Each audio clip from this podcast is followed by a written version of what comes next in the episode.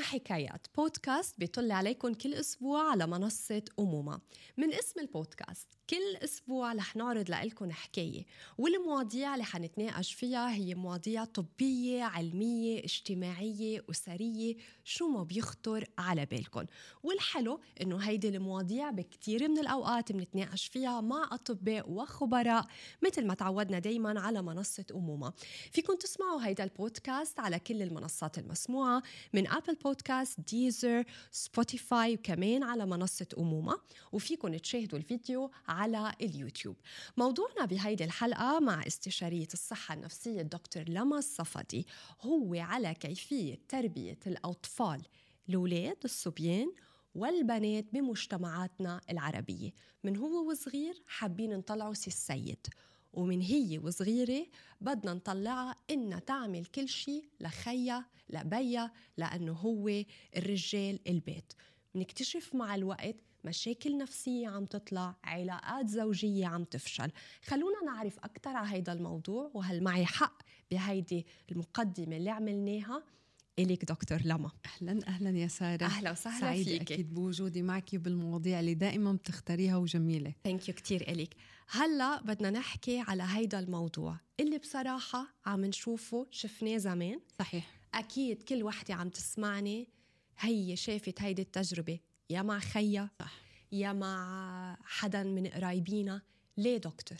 لأنه اولا نحن ننتمي إلى مجتمع عربي ومجتمع عشائري. يعني شو المقصود فيه؟ يعني هو يتبع أحيانا إلى عادات وتقاليد معينة. هاي العادات والتقاليد أو المجتمعات اللي أنا بصنفها مثل شكل دوائر خلينا نقول دوائر مجتمعية عشائرية. في عندهم كثير من هاي المجتمعات ما زالت النظرة الرجولية أو الذكورية هي السائدة. صح. وتفضيل الذكر هو السائد والملكية للذكر هي السائدة. والترحيب بوجود مولود ذكر هو السائد يعني مزبوط. ممكن لحد هاللحظة للأسف. في كثير مجتمعات بيكونوا سعيدين ومبسوطين. لما بيجي الولد إيه شو معك صبيفة؟ يا الابتسامة. وإذا معك بنت عقبال جيبي خيا. فأنت على طول دائما بترقب بأنه المجتمع هو ينظر على أنه مقاييس سعادة الأسرة بوجود ذكور فيها. هي أول نقطة. النقطة الثانية الأفكار نفسها عند الأشخاص اللي هن بيعتبروا بأنه أولوية العطاء يعني أحكيكي مثال إحدى الحالات اللي مرت عندي ما إنه دائما بنحب نحكي حالات أكيد. واقعية هيك بتلامس اللي بيسمعونا بتقول نحن عشنا كل عمرنا إخواننا الذكور بياكلوا بالأول ونحن البنات بنضل على جنب لما يخلصوا أكل بعدين نحن بنروح بناكل. هيدا الإكستريم بقى. فنحن تعودنا وصدقيني بمجتمع ليس صغير. يعني هاي القصة يعني أنا سألتها مش هو فقط في منزلكم قالت لي منطقة معينة بإحدى الدول العربية. أنا سمعت فيها. فقالت لي هاي ليست يعني في منزلنا هي منطقة بأنه تناول الطعام من المعيب يعني هن والأم ما بيتناول الطعام أول شيء الرجل والإخوة من نفس المكان.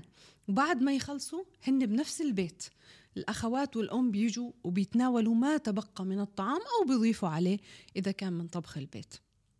شوفي الشعور بأنه أنت ممكن يكون عندك إحساس بالجوع ولكن أنت مترقبة حتى ينتهوا من تناول الطعام. هي أبسطها مشاعر بسيطة بس شوفي قد إيه إذا كبرت عمر سنين وأنا اللي بستغربه مش بس من المناطق اللي قلت اللي هن بعدهم متزمتين بعاداتهم وتقاليدهم. ممكن هيدول أنا يوصل لوقت أفهمهم م. ممكن أوصل لوقت إنه هن عبارة عن مجتمع كتير منغلق بعدهم ماشيين مثل مثل ما بيقولوا أيام زمان. صح. ولكن اللي بيصدمني إنه نحن بمجتمعات معينة المفتوحة والمتقبله واللي. صرنا عم نشوف البنت عم تشتغل وعم تربي اولادها وعم بتساعد أهلها ماديا وبتشيل بأمها وبتشيل ببيها بعدنا عنا الطفل أو ما بقى طفل الولد مميز عنا ليه؟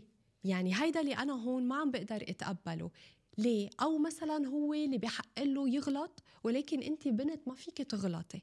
صح. لأنه المجتمع لحد هذا اليوم هو ما غير نظرته الداخلية ولأنه نحن إذا عم نقول إنه هي فكرة رجولية أو ذكورية لا ما هي المرأة اللي عم تصنع من أولادها هذا الشيء. مزبوط. يعني هي شريكة بالموضوع يعني هو ما في نسوية هي- بالموضوع صح. ولا في حرية مرأة لأنه هي الأم نفسها هي اللي عم تصنع من أولادها صورة تتكرر عبر الأجيال وبتطلب منه من أحفاده يصنع نفس الشيء فهي شريكة بالدرجة الأولى. يعني ممكن تكون هي عايشة هذه الحياة ولكن هي بتورثها للجيل القادم ونفس العادات والتقاليد مستمرة. يعني مثلا إحدى كمان القصص اللي أنا سمعتها أنه مثلا لما بيكون الأب بحالات العنف الأسري هو ما بيضرب الأولاد ذكور بس بيضرب البنات. يعني البنت عادي تنضرب آه يعني عادي يعني هاي الفكرة. فبالتالي في تمييز هون. حتى مثل ما أنت حكيتي بالمجتمعات المتطورة ممكن تكون اليوم موجودة. عادي بيقولوا نحن بنحب الصبيان ونحن بنعامل الصبي غير البنت. يعني أنا إجتني كثير حالات تحديدا بالمراهقين. فلما كنت عم بحكي معها بقول لها إنه ليش انت هيك ردة فعلك عدائية وليش انت كذا؟ قالت لي لأنهم بالبيت بحبوا إخواتي الذكور أكثر مني كبنت. فمجرد مساله الأهل ما أنكروا.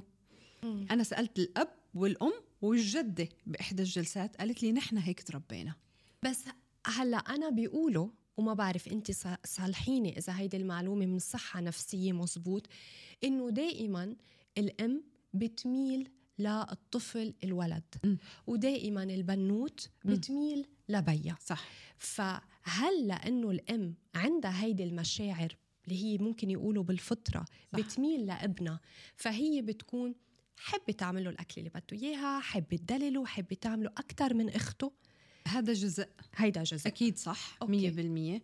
ولكن في جزء بأنه هي بتعرف بأنه هذا الشخص هو برأيها الصورة المشرفة أمام المجتمع فبتبذل كل جهد عليه.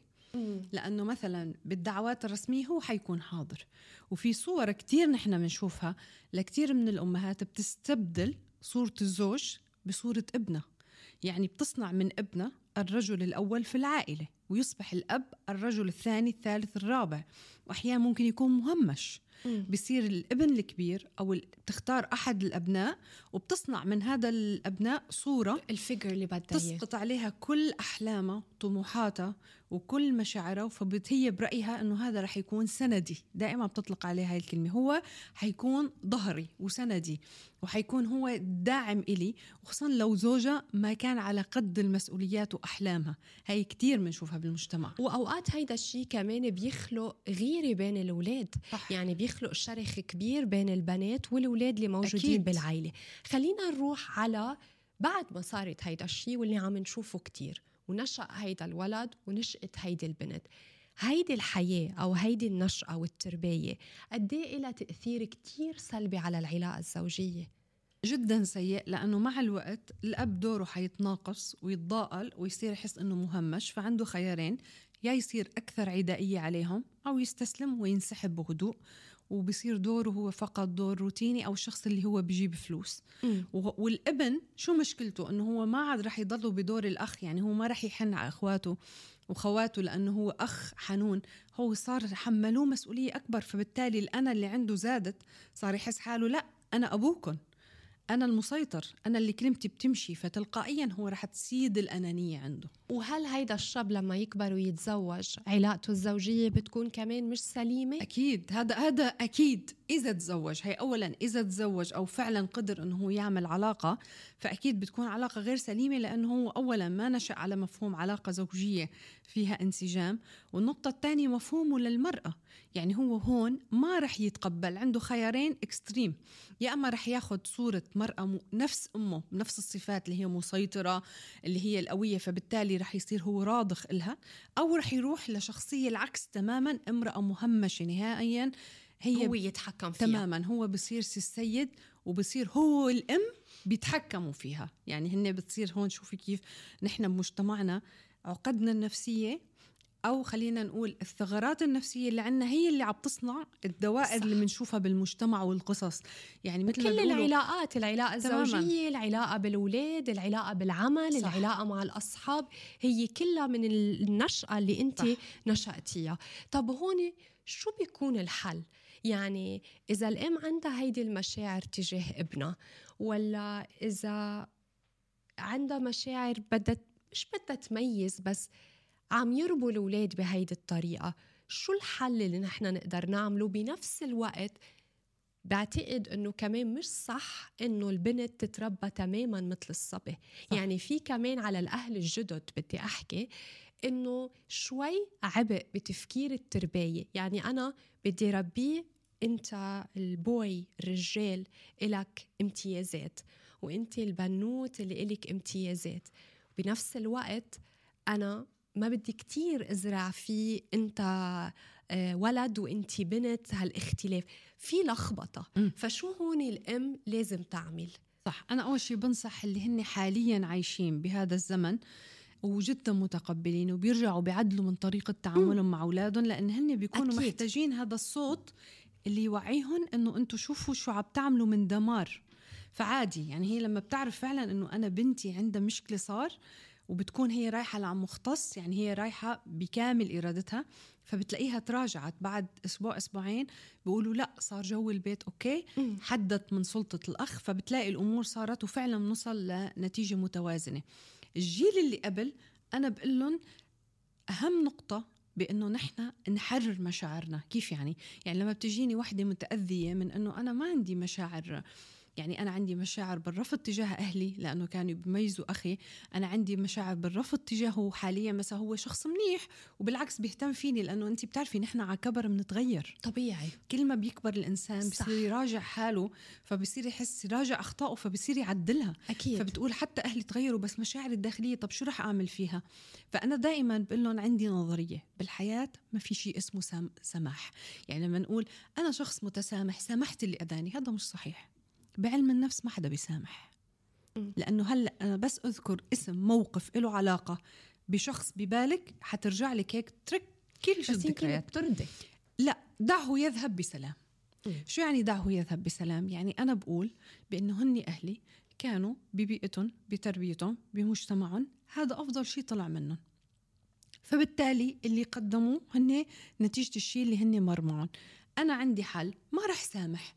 أنا مشاعري موجودة عندي ولكن عندي حل إني خلي هاي المشاعر تروح بسلام واستبدلها بالأشياء اللي هي جاي عندي حاليا. ولو رجعت لي الذكريات المزعجة استقبلها اتعامل معها بأنه أنا خضت هاي. التجربة. بالرضا بامتنان إنه يمكن كمان هي كانت السبب اليوم لأنا صرت إنسان ناجح طموح تغيرت حافز لكل شيء عم بيصير. ولو كان في أشخاص كتير أذوني يعني لما وحدة بتيجي بتقول أنا بكره والدي شفتي مش... لح... أي مرحلة؟ أنا ما بحكي معه. أنا واصلة لمرحلة ما عندي إحساس إني ممكن أفتح تليفون وأحكي معه. أنا بحكي لها شغلة. بقول لها ابوكي توفى الله يرحمه. بتقول لي كيف بعده على قيد الحياة؟ بقول لها تعاملي معه لأنه توفى الأب. واللي موجود حاليا هو شخص مثلا عمره خلينا نقول 70 أو 80 سنة. كيف بتعاملي شخص عمره 70 سنة لو كان محتاجك؟ قالت لي أكيد بهتم فيه. أكيد بحبه. عامليه على هالأساس. مم. هل ممكن تروح تحطيه بدار المسنين؟ بتقلي لا. هل ممكن تقاطعي بتقلي لا. لو طلب مساعدة منك هل بترفضي؟ بتقلي مستحيل. شخص عمره 70 80 سنة كيف بدي أرفض؟ قلت لها تمام. هذاك الشخص توفاه الله. توفاه باللاوعي عندك. مم. اليوم أنت أمام خيار مع شخص هو محتاجك. فهل بترديه؟ فالفكرة بتصير قابلة. أي شخص فينا إنه يطبقها فعلا على أرض الواقع. لأنه تس... يعني لما بتروحي أنت بيقولوا سامح والسماح لا المشاعر الإنسانية نحن كتير عميقة واللاوعي ابدا ما بينسى. فبالتالي مشاعرنا الدفينة بتطلع يوم بعد يوم. فهي من ضمن الأساليب إنه نحن كيف نتكيف مع الأشياء المحيطة فينا. هلا دكتور قلتي لي إنه بالنسبة للجيل القديم كيف يقدروا يتعاملوا بالموضوع بتسامح بإنه يخلوا الموضوع يمرق بسلام واللي عملت هيدا الغلط عم توقع فيه كيف تدريجيا تلجأ لمساعدة. الأم الجديدة اللي هلأ عندها طفل صغير وطفلة كتير صغيرة. هل لازم اللي تربي الاثنين بالتساوي وبنفس الطريقة ولا لا؟ لازم تخلق امتيازات للصبي مختلفة عن البنت أو العكس لحتى يضل في هوية لكل واحد منهم؟ سؤال جميل. هي لازم تربيهم بكمية متساوية من الحب. أوكي. كمية كافية من الحب والحنان بحيث إنه اثنين يكونوا مكتفيين عاطفيا بالشيء اللي هي عم تعطيه. بس ما تطلب من حدا يعمل شيء للتاني تماما. ف- قومي اعملي لخيك قومي لا، أكيد لا. أوكي. كل إنسان عنده مسؤولياته والتزاماته. تعزز الأنوثة ببنتها. لأنه هي البنت لازم تكبر بإحساس الأنوثة. يعني هي لما بدها سنه ماما تعي ساعديني نعمل حلويات. فهي طبيعي إنه ممكن تطلب منها. وتعزز إحساس الذكورة فيه لو هي تقول والله أنت ما شاء الله عنك رجل وأنا عندي ثقة فيك وما شاء الله مثلا أنت بتلعب football منيح فتعطيه كمان عالم ولكن ما بتترك حدا منهم يسيطر على الثاني OK. لا هو بيسيطر على البنت ولا البنت بتسيطر على الولد ولو حتى كان عندها مشاعر داخلية تحاول ما تظهرها. لأنه مثل ما قلت لك في مجتمعات كتير قالت لي باللا شعور بالله نحن هيك باللا شعور بنحب الصبيان الصبي وبندللهم ولكن ما لازم تفرجي. هالمشاعر. ما لازم تف... يكون هاي المشاعر واضحة بحيث أنه هي ما تكون مؤذية. ولو أنت اليوم من الأمهات اللي عشتي هالتجربة وميزتي فأنا بقول ما في شيء اسمه فات الأوان. عندك بعد وقت تعتذري تقدمي كميات من الحب تهتمي ببنتك وتعوضي عن هذا الفراغ اللي صار على مر سنين.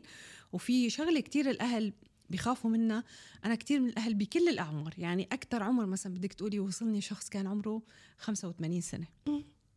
قلت له أنا بدي أسألك سؤال أنت عمرك 85 سنة هل جربت تعتذر من بنتك؟ قال لي هلأ أعتذر؟ قلت له بس ما فات الأوان.